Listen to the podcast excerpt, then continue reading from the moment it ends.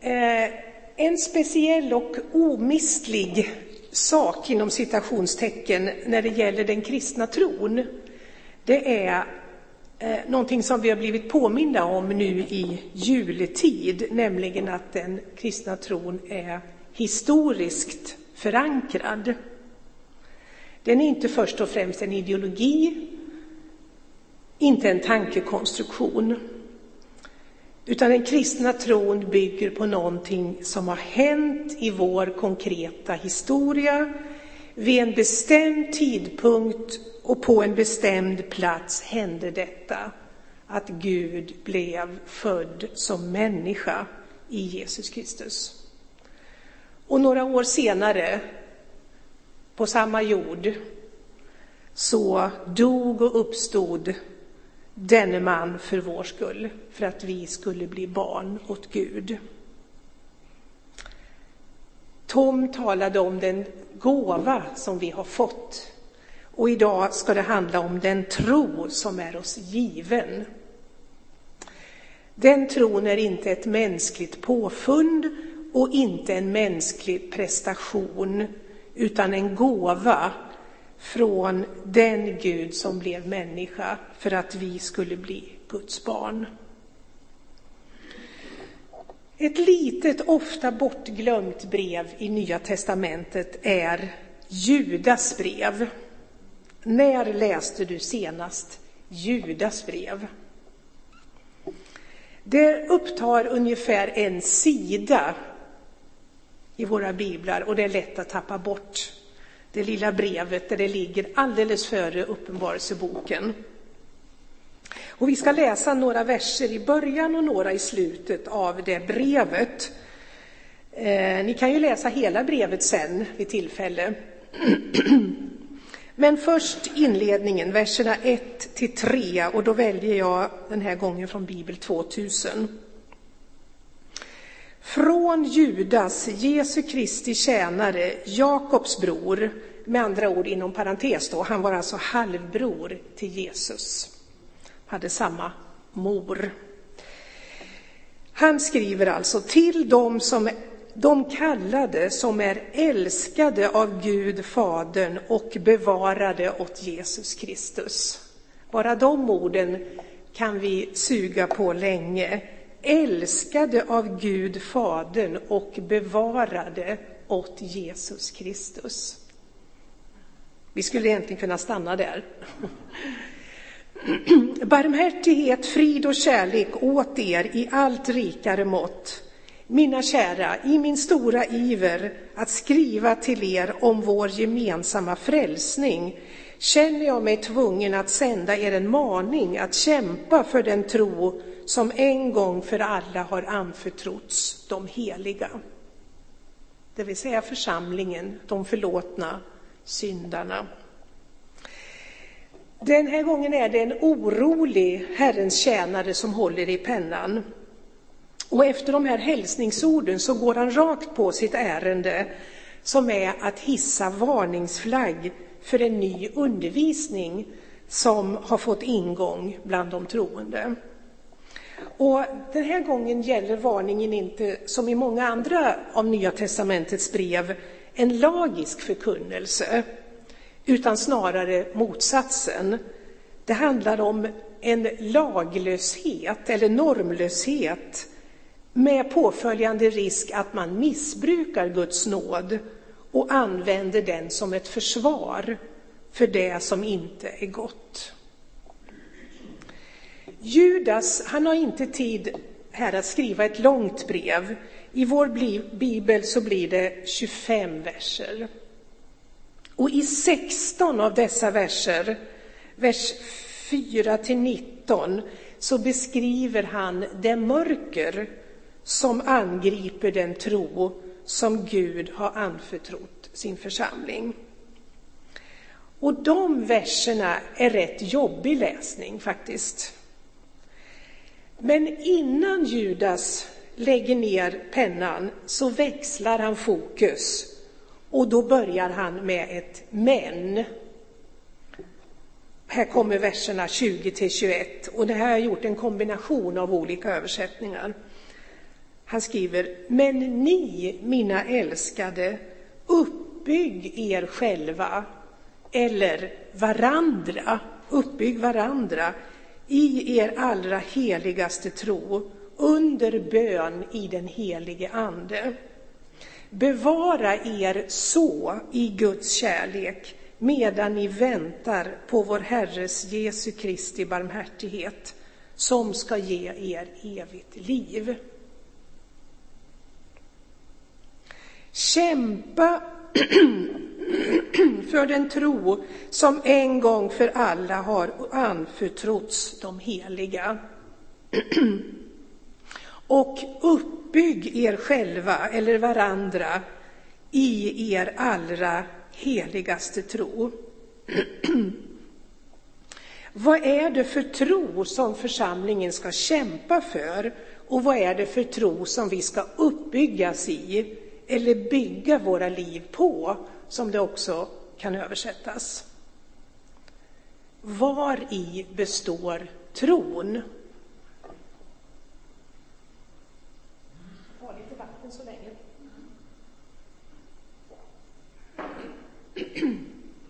Var i består tron? Vad menas i Nya testamentet när det talas om tron? Ja, ett sätt att beskriva tron kan vara att det är vårt ja till det som Gud har sagt och gjort, speciellt i Jesus Kristus. Det är vårt gensvar. Och i detta vårt ja finns olika bottnar. En sida av tron kan vi kalla för övertygelse eller samtycke. Och då är vårt fokus vad vi tror på, att det är sant. Vi säger alltså ja till trons innehåll. En annan sida av tron handlar om tillit och förtröstan. Det finns fina latinska ord för de här olika, men det ska vi inte ta idag. Men det är viktigt att kanske se att det är olika sidor av samma tro. När det gäller tilliten och förtröstan, då tänker vi ju mer på vem vi tror på, att han är pålitlig. Att vi lägger vårt liv i hans händer är tron. Och så finns det en tredje sida också av tron som då handlar om trohet och trofasthet. Att vi stannar hos Gud. Ibland när det talas om tro kan det också gälla Guds trofasthet eller Jesu trohet som vi får leva av. Ett exempel på det är Galaterbrevet 2.20 som också kan översättas så här. Det liv jag nu lever i min kropp, det lever jag genom Guds sons trohet. Hans som har älskat mig och utgivit sig själv för mig. Men vad menar då Judas när han uppmanar till kamp för tron? Han skrev ju här att vi skulle kämpa för tron. Betyder det att han vill mana läsarna att kämpa för en övertygelse som en gång för alla har anförtrotts församlingen? Eller menar han att vi ska kämpa för en förtröstan som en gång för alla har getts till de troende? Eller manar han till kamp för den trohet som en gång för alla har blivit oss given? Nej, det verkar inte stämma något av det. Utan för att förstå vad Judas menar så behöver vi ta med ytterligare en dimension av tron. Och det är den dimension av tron som det ofta talas om i bestämd form, alltså som tron. Och då ligger fokus inte på den roll som tron har hos dig och mig. Det handlar inte om tron i form av vårt gensvar, utan istället ska vi här tänka på trons innehåll i sig. Alltså den sanning som Gud har uppenbarat. Evangeliet om Jesus Kristus, alltså det som vi tror på. Budskapet. Det är den tron som Judas tänker på när han uppmanar församlingen att kämpa för tron. Att kämpa för att den apostoliska tron som har getts från Jesus och till apostlarna och att den undervisningen ska bevaras ren och obesmittad. Det är bra för oss att vara medvetna om de här olika aspekterna av tron. Att vi säger ja till det som Gud har uppenbarat i sitt ord. Det är ett samtycke. Vi lägger vårt liv i hans händer, förtröstan, och vi stannar kvar hos honom, trohet. Han som är trofast mot oss. Men hela tiden i alla de aspekterna så vilar vår tro på tron i bestämd form. Det är den som är grunden. Evangeliets sanning, den tro som är oss given. Den tron är grunden som vi får bygga våra liv på och som vi får bygga vår tro på. Det här betyder också, som Paulus skriver i Efesierbrevet 4 och vers 5, att tron är en. Tron kan inte plockas isär. De olika delarna måste hänga ihop. För vad händer om vi tappar någon av dem? Om vi till exempel negligerar den sanning som Gud har uppenbarat i Jesus Kristus och i sitt ord, vad har vi då kvar att bygga vår personliga tro och förtröstan på egentligen?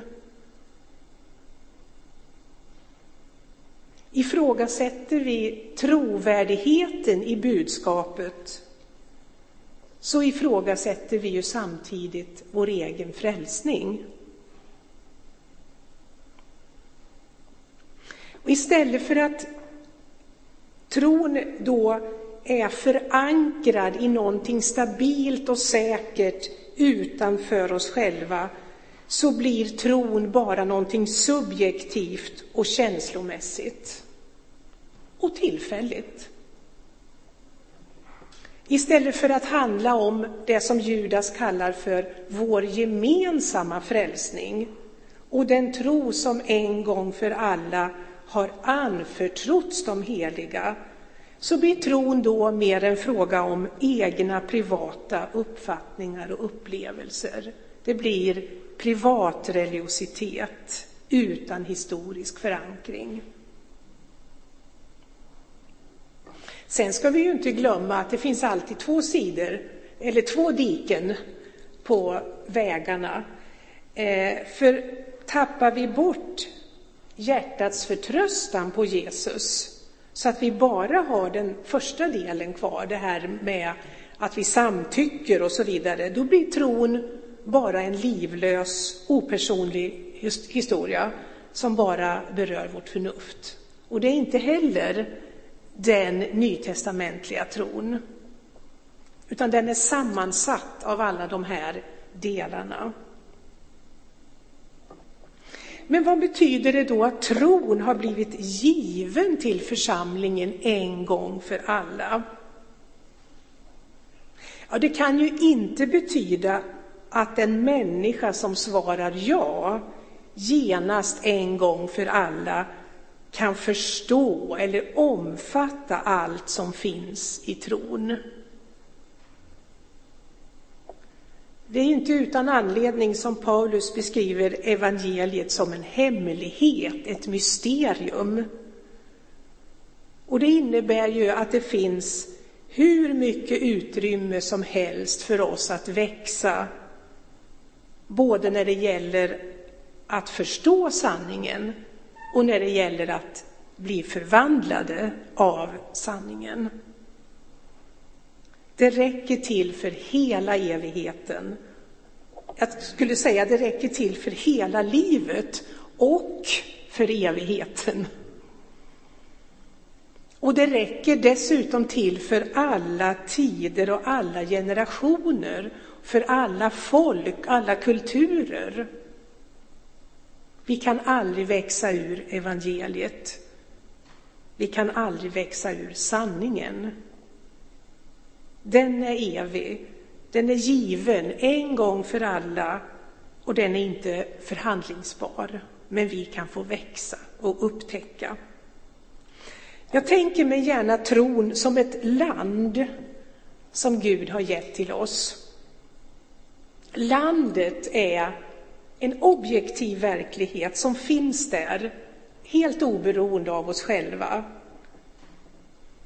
Och det här landskapet, det är inte en samling torra och livlösa idéer, utan det är en verklighet.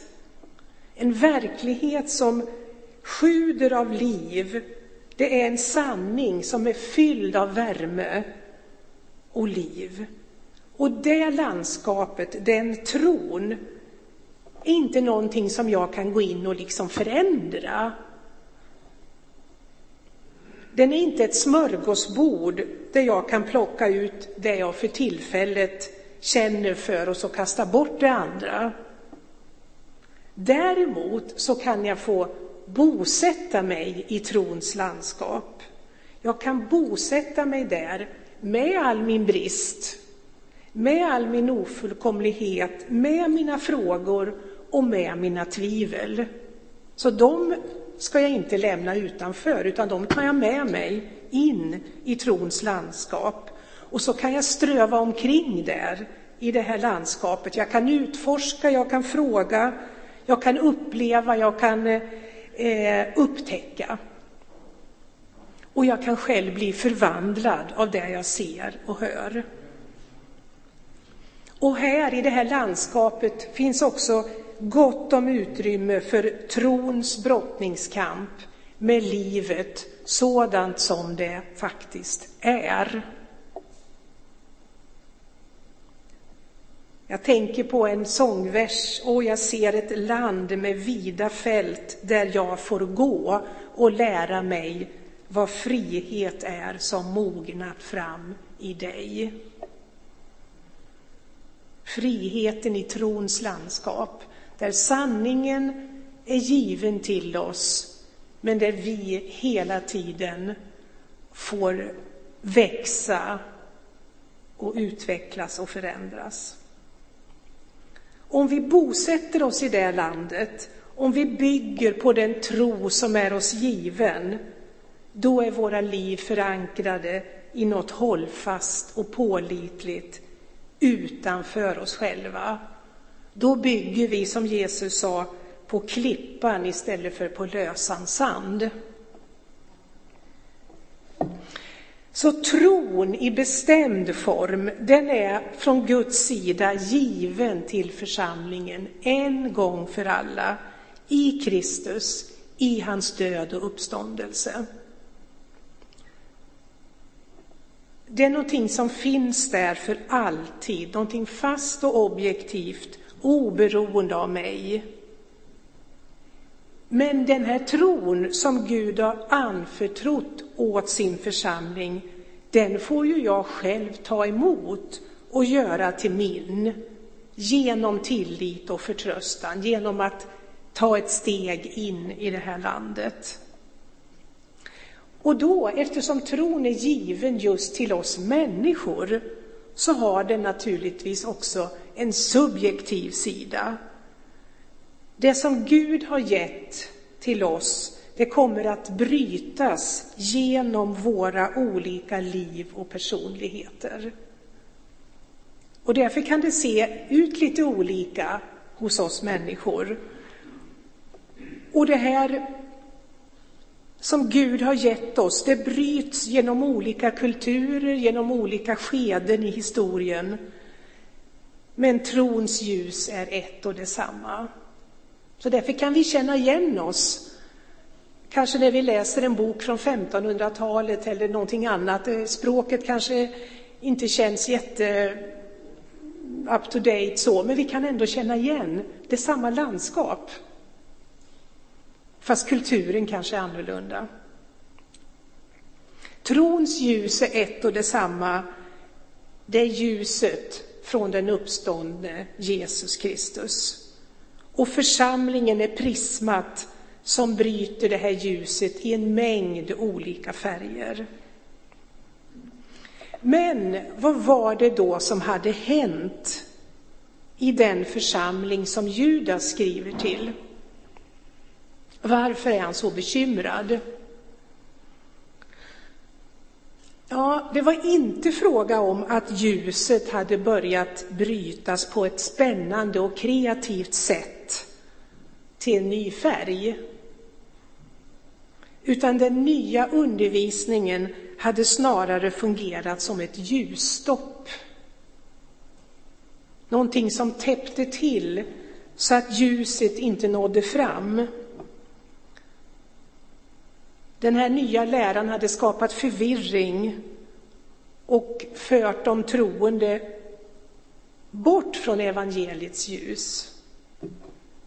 Och därav den här uppmaningen som vi läste tidigare. Men ni, mina älskade, uppbygg er själva, uppbygg varandra i er allra heligaste tro, under bön i den helige Ande. Bevara er så i Guds kärlek medan ni väntar på vår Herres Jesu Kristi barmhärtighet som ska ge er evigt liv. Vad är vår allra heligaste tro? Har ni någon sån? Och vad innebär det att uppbyggas i sin allra heligaste tro eller att bygga sitt liv på den? Betyder det att vi ska leta fram vår allra bästa och finaste tro inom oss och sen göra vårt bästa för att putsa upp den och riktigt se till att den fungerar? Betyder det att vi ska bygga vårt liv på vår allra starkaste förtröstan som vi kan få fram? Nej, det måste betyda att vi ska uppbyggas och uppbygga varandra i den sanning som Gud har uppenbarat genom evangeliet. Det är vår allra heligaste tro. Det betyder att vi ska bygga våra liv på sanningen om Jesus Kristus, om hans död och uppståndelse, om vem han är och vilka vi får vara i honom. Han är Guds son och vi får vara Guds barn. Vår allra heligaste tro, det är den tro som har den korsfäste och uppståndne Kristus som fokus. Och den är helig, det vill säga avskild och annorlunda jämfört med all annan tro. Också den tro som vi möjligen skulle kunna prestera själva. Den är helig därför att den som vi tror på är helig. Och för att växa och mogna i den tro som vi har fått av honom behöver vi den helige Andes varma fläkt i vår kommunikation med Gud. Därför skriver Judas om bön i den helige Ande. Och han säger att det är så vi bevaras i Guds kärlek. Anden förmedlar Guds kärlek. Så genom bön i anden bevaras vi i Guds kärlek medan vi väntar på vår Herres Jesu Kristi barmhärtighet som ska ge oss evigt liv.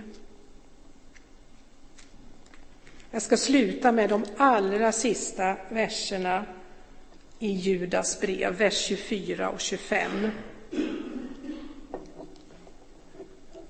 Han som kan skydda er från fall och ställa er inför sin härlighet, fläckfria och jublande, den ende sanne Guden som har räddat oss, oss genom vår Herre Jesus Kristus. Hans är härligheten, storheten, styrkan och makten, före all tids början, nu och i all evighet. Amen.